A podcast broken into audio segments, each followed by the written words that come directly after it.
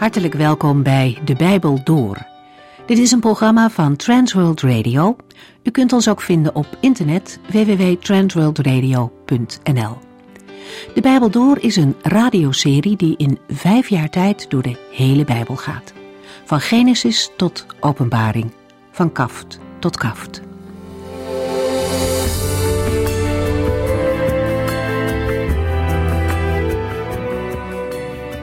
Vandaag gaan we verder in 1 Timotheus. Paulus is in hoofdstuk 4 met een ernstig onderwerp begonnen. Hij herinnert Timotheus eraan dat er in de laatste dagen sommige mensen zullen afdwalen van Christus. Zij hechten geloof aan mensen die zich door de duivel laten leiden en met allerlei geboden komen die God niet heeft gegeven. Paulus is scherp en duidelijk in zijn veroordeling van dwaalleer. Hij geeft zelf het voorbeeld en laat zien hoe belangrijk het is om te onderscheiden wat wel en wat niet van God vandaan komt. Daarin mogen we geen compromissen sluiten. Om te kunnen onderscheiden is het belangrijk dat we Gods woord lezen en leren begrijpen. Met de uitdrukking de laatste dagen verwijst Paulus naar de eindtijd. Die is in feite al na de Pinksterdag begonnen. Paulus leefde zelf al in de verwachting dat de Heere elk moment terug zou kunnen komen. En hoeveel dichter staan wij dan inmiddels bij dat moment? Dat mag ons ook waakzaam maken om alle gedachten en theorieën die we te horen krijgen te blijven toetsen aan de Bijbel, aan de woorden die van God zelf komen. Vasthouden aan Gods woord en trouw blijven aan de Heer Jezus, dat zijn dingen die we als christenen niet moeten opgeven. In openbaringen lezen we over een gemeente die maar kleine kracht had, maar zij wordt geroemd om twee dingen. Zij hebben het woord bewaard en de naam van de Heer Jezus niet verlogend. Het is de gemeente in Philadelphia waarvan dit wordt gezegd. Ze hebben met vijandschap te maken, maar ze blijven trouw aan de Heer. En hij, op zijn beurt, heeft hen lief en bewaart zijn gemeente dwars door de strijd heen. We gaan nu eerst terug naar 1 Timotheus en lezen uit hoofdstuk 4 vanaf vers 6.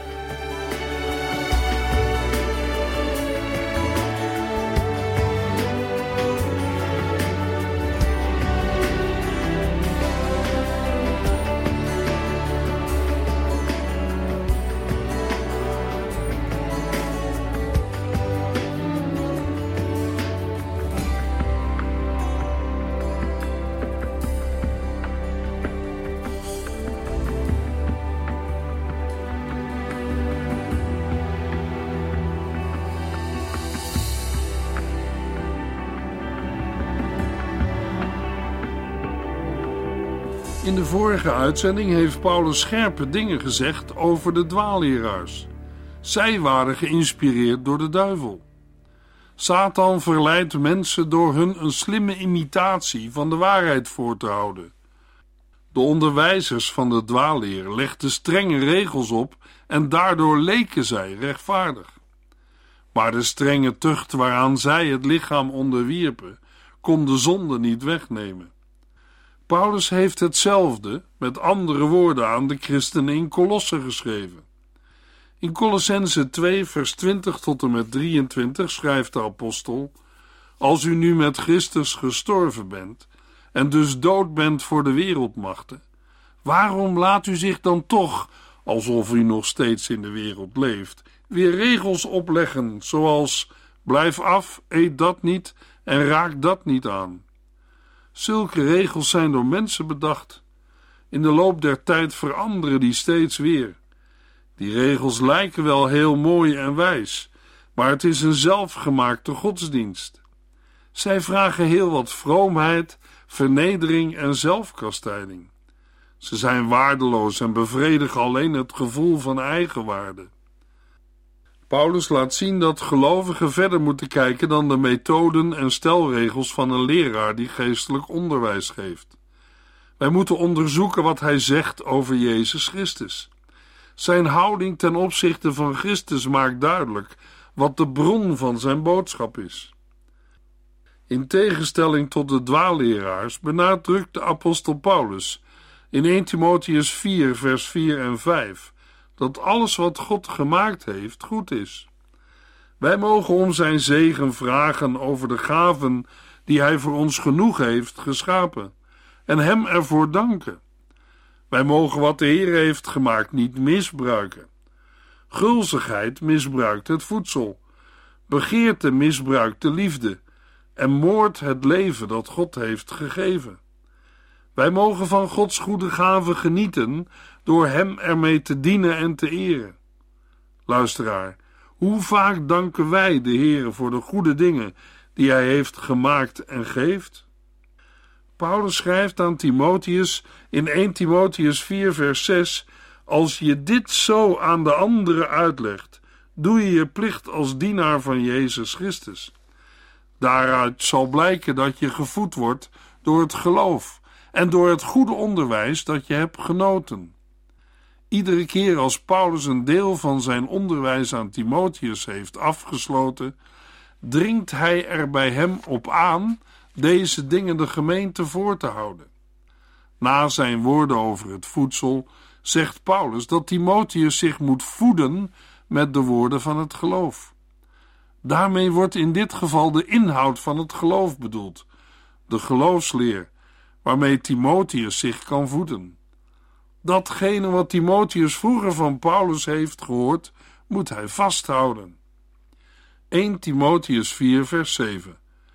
Verknoei je tijd niet met discussies over zinloze ideeën en flauwe verzinsels. Benut je tijd en energie om geestelijk in conditie te blijven. De leer van de dwaalleraars wordt door Paulus gekarakteriseerd met de woorden zinloze ideeën en flauwe verzinsels. In het Grieks worden woorden gebruikt als profaan, onheilig, ze hebben niets met God te maken en als oude vrouwenfabels. Daarmee roept de apostel een zo groot mogelijke tegenstelling op met de woorden van het geloof en het goede onderwijs. Het gaat opnieuw om de joods-gnostische dwaalleer, die gekenmerkt werd door mythen en geslachtsregisters, verzinsels en stambomen en dwaze discussies. Timotheus moet de discussies over deze onderwerpen vermijden. De werkwoordsvorm geeft aan dat hij deze discussies moet blijven weigeren. Wel moet hij zijn tijd en energie benutten om geestelijk in conditie te blijven. Dat wil zeggen, door Gods genade staande te blijven in een positieve levenswandel en een praktische levensheiliging. De beeldspraak die Paulus gebruikt komt uit de sportwereld, waar atleten hun lichaam trainen. Timotheus moet zich inspannen om in alle opzichten een voorbeeld voor de gemeente te zijn. Luisteraar, bent u lichamelijk en geestelijk in vorm? In onze samenleving wordt veel aandacht besteed aan de lichamelijke conditie. Dat is op zich genomen niet verkeerd. Maar Paulus maakt duidelijk dat geestelijke gezondheid veel belangrijker is dan lichamelijke. Gelovigen moeten hun geloof ontwikkelen door de gaven die de Heere gegeven heeft te gebruiken ten dienste van de gemeente van Christus. Daarbij gaat het zowel om onze geestelijke gaven als ook onze natuurlijke talenten. Dat wat de Heere in u, jou en mij heeft gelegd als vaardigheden om te leven. Ook die vaardigheden en talenten moeten natuurlijk wel onder controle en leiding van de Heilige Geest staan. Anders raakt een gelovige uit balans en schiet de dienst aan de Heere er vaak bij in. 1 Timotheus 4 vers 8 Lichaamsoefening is niet zo nuttig, maar de oefening van de geest is juist wel erg nuttig. Het heeft een goede uitwerking op alles wat je doet. Dat zal je niet alleen in dit leven helpen, maar ook in het toekomstige. De lichaamsoefening kan verwijzen naar het leveren van sportieve prestaties. Maar waarschijnlijk heeft Paulus hier de onthoudingslevenswijze van de dwaalleraars op het oog, die op een overdreven manier hun lichamelijke behoeften onderdrukten. Zelfbeheersing en overwinning over de zonde die in het lichaam heerst, behoren tot de oefening van de geestelijke conditie. Maar dat mag nooit gepaard gaan met minachting voor het menselijk lichaam. Paulus ontkent het belang van onthouding en matiging niet, maar noemt dat niet zo nuttig. Het belang van de oefening van de geest of de godsvrucht is enorm. Het ziet op een zuivere levenswandel en de praktische levensheiliging. De oefening van de geest is nuttig voor alles, niet alleen voor dit leven, maar ook voor het toekomende. Ook de levenswandel en levensheiliging van een gelovige moeten zich ontplooien en groeien onder leiding van de Heilige Geest. Een ver doorgevoerde levensheiliging brengt sommige gelovigen tot de bewering dat ze op deze aarde zondeloos kunnen leven. Uitspraken die nergens bij de apostelen van het eerste begin te vinden zijn. Een ver doorgevoerde levensheiliging kan gelovigen ook in geestelijke nood en moeite brengen, omdat ze steeds tot de conclusie moeten komen dat zij op deze aarde niet zonderloos kunnen leven.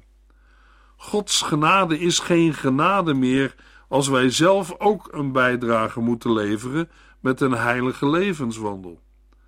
Natuurlijk kan een gelovige niet als een beest in de wereld leven, omdat zijn of haar zonden toch zijn vergeven. Geen goedkope genade, maar een levenswandel en heiliging onder controle en leiding van de Heilige Geest. In aansluiting op het voorgaande vinden we een belofte voor heden en toekomst in 1 Timotheus 4, vers 10, waar we lezen: Opdat men dit zal geloven, werken wij hard en moeten wij veel doorstaan. Want onze hoop is gericht op de levende God, die de redder van alle mensen is, in het bijzonder van hen die in Hem geloven. Luisteraar, kunt u zeggen dat uw hoop gericht is op de levende God?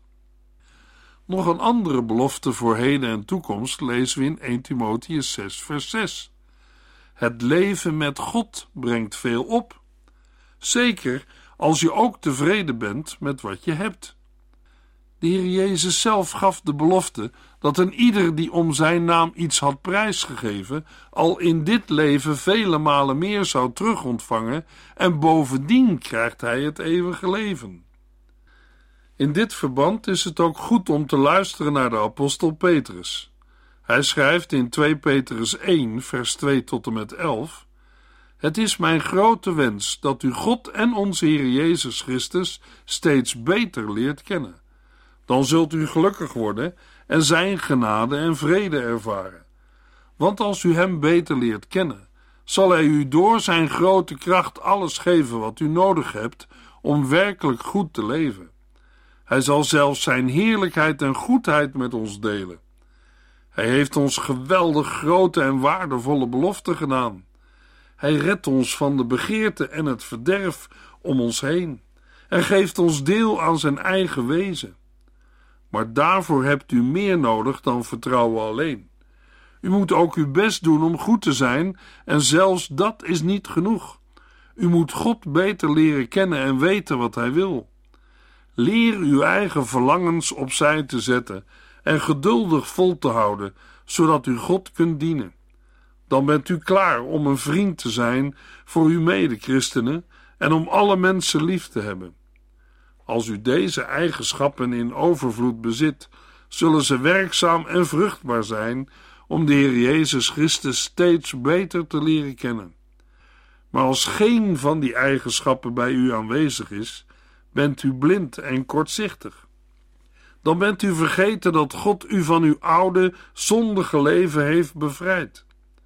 Broeders en zusters, laat daarom uit uw gedrag blijken dat God u heeft geroepen en uitgekozen.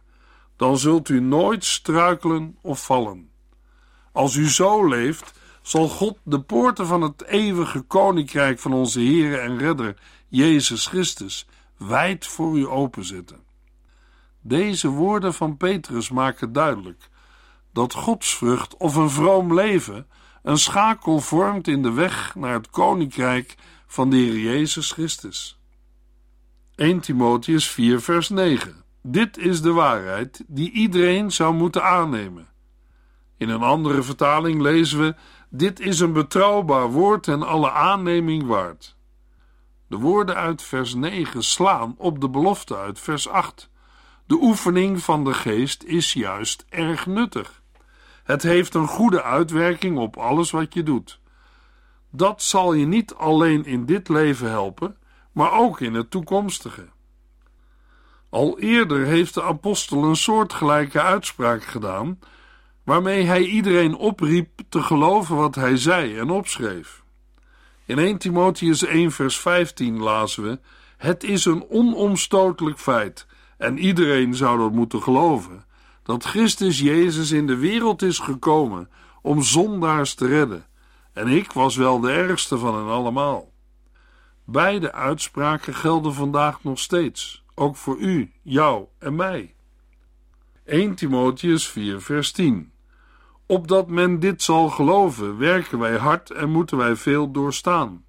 Want onze hoop is gericht op de levende God, die de redder van alle mensen is, in het bijzonder van hen die in hem geloven.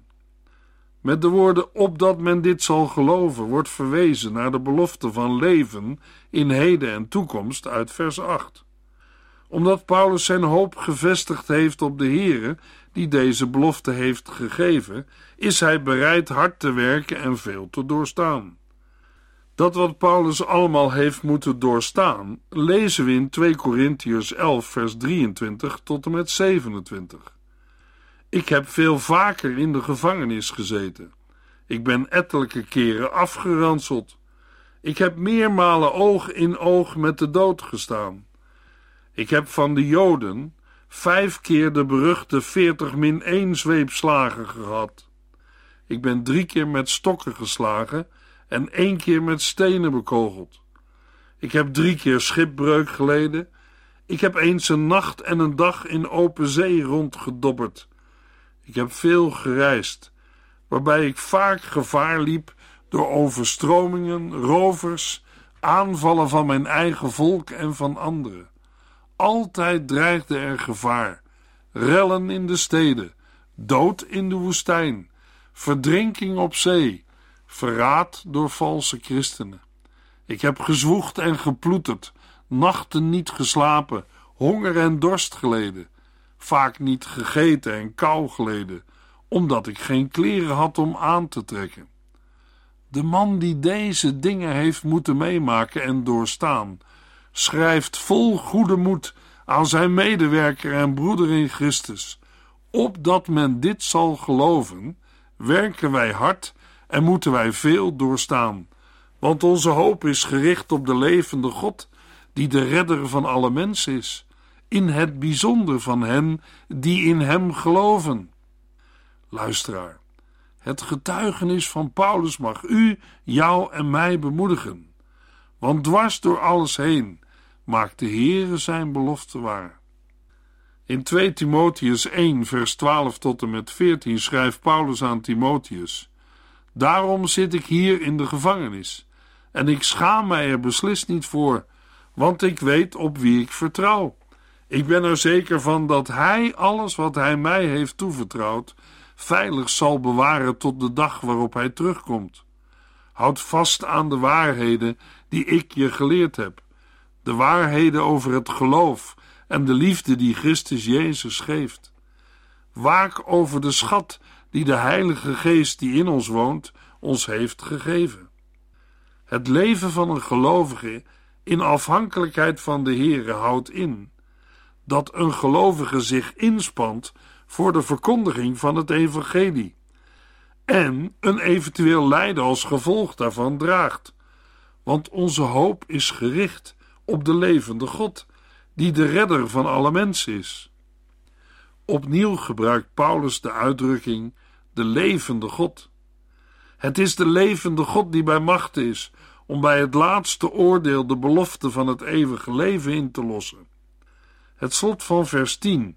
God die de redder is van alle mensen, in het bijzonder van hen die geloven, is niet makkelijk uit te leggen. Naar analogie van 1 Timotheus 2 vers 4, want hij wil dat alle mensen gered worden, moeten we concluderen dat de Heere alle mensen wil redden en dat hij door de kruisdood van Jezus Christus alle mensen met zich heeft verzoend door hun de overtredingen niet toe te rekenen. Maar de redding gaat pas in vervulling Met andere woorden, wordt pas concreet wanneer iemand de aangeboden redding gelovig aanvaardt. In de brief aan Titus schrijft Paulus in Titus 2, vers 11: De genade van God is bekend geworden, waardoor voor alle mensen eeuwige redding mogelijk werd. 1 Timotheus 4, vers 11 en 12. Zorg ervoor dat je dit aan iedereen onderwijst. Niemand mag op je neerkijken omdat je jong bent. Wees een voorbeeld door alles wat je zegt en doet, door je liefde, geloof en zuiverheid. Net als in vers 6 blijkt de voornaamste opdracht van Timotheus te zijn de voorschriften van Paulus door te geven en uit te voeren. De woorden staan in de gebiedende wijs, wat betekent dat Timotheus dit moet blijven doen. Uit de woorden zorg ervoor wordt ook duidelijk dat Paulus aan Timotheus een zeker gezag heeft toevertrouwd. Timotheus is blijkens vers 12 nog zo jong dat mensen op hem neerkijken. Uit 1 Corinthians 16 blijkt dat Timotheus in het jaar 54 na Christus al door Paulus met zelfstandige opdrachten werd uitgezonden. Toen was hij inderdaad nog jong. Het is mogelijk een aanwijzing dat de eerste brief aan Timotheus niet in 663 na Christus, maar ook omstreeks 54 na Christus is geschreven. Dat sommigen op Timotheus neerkijken, werd ook veroorzaakt door het feit dat Timotheus zich soms snel liet afschrikken. Ook in zijn tweede brief aan Timotheus moest Paulus hem aanmoedigen zich niet te laten intimideren, maar op te treden in de kracht van de Heilige Geest.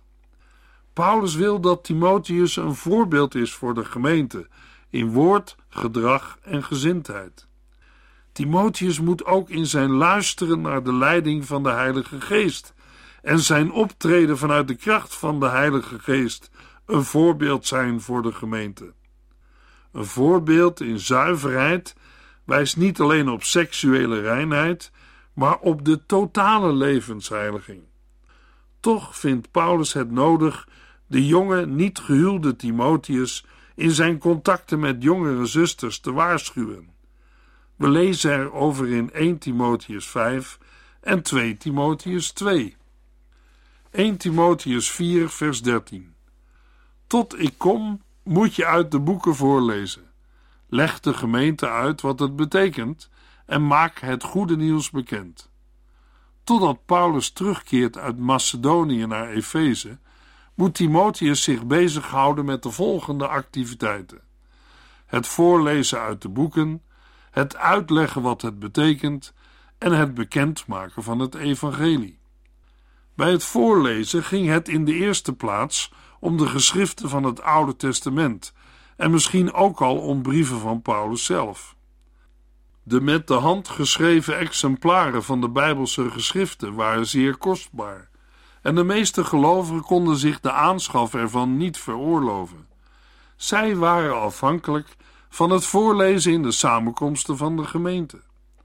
Uit het voorlezen volgt als vanzelf de uitleg en het vermanen, als ook het onderwijzen van de geloofsleer. Aan hen die Christus niet kenden, moet het evangelie worden gepredikt. 1 Timotheus 4 vers 14 Gebruik de bijzondere gave die God je door zijn profetisch woord heeft gegeven, toen de leiders van de gemeente jou de handen oplegden. Ook dit vers geeft een blijvende opdracht weer.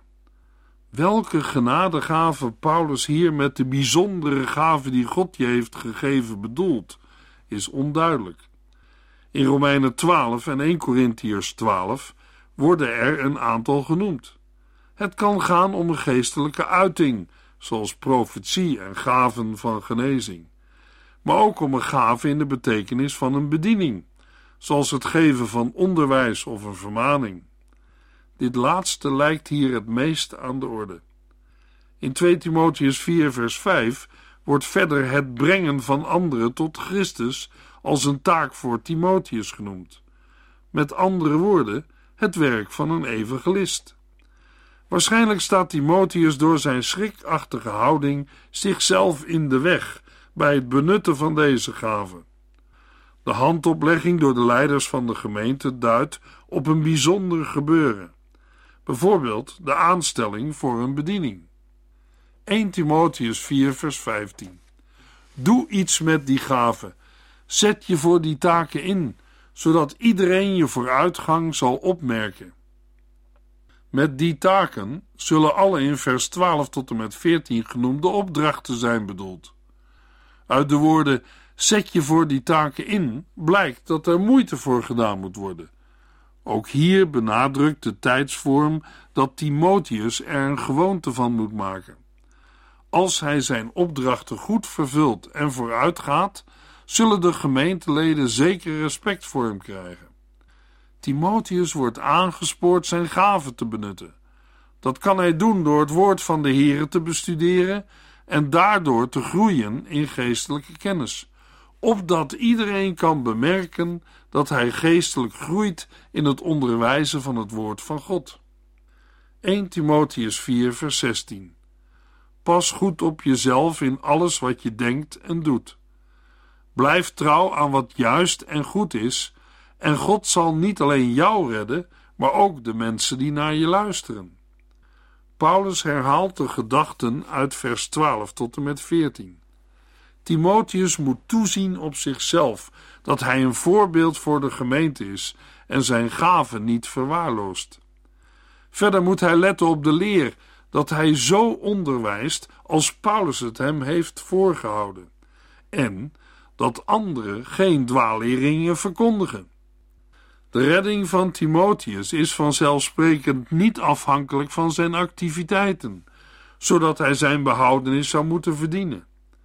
Wel is het bewaren en verkondigen van de gezonde leer een waarborg, zodat nog het geloof van Timotheus, noch dat van de mensen die naar hem luisteren, schade zal lijden. Verder heeft Timotheus een grote verantwoordelijkheid voor de gelovigen, die aan zijn leiding en onderwijs zijn toevertrouwd. In de volgende uitzending lezen we 1 Timotheus 5, vers 1 tot en met 19.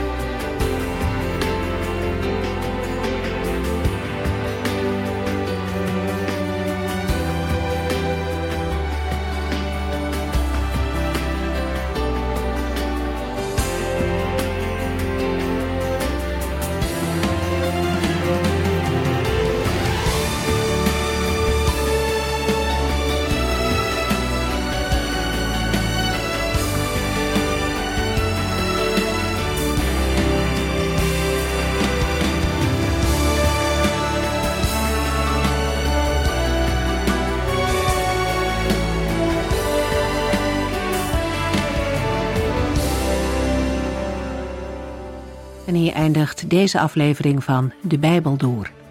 Een serie programma's van Transworld Radio. Wilt u ons iets vragen of meer weten? Dan kunt u altijd contact met ons opnemen. Bellen kan overdag met 0342 478432. Per post Transworld Radio. Postbus 371. Postcode 3770. Anton Johannes in Barneveld. En e-mailen kan ook. De Bijbel door at transworldradio.nl En natuurlijk ook via onze website transworldradio.nl Dit programma werd gepresenteerd door Cor Weda en Ike André. En namens iedereen die er nog meer aan meegewerkt heeft, graag tot de volgende keer.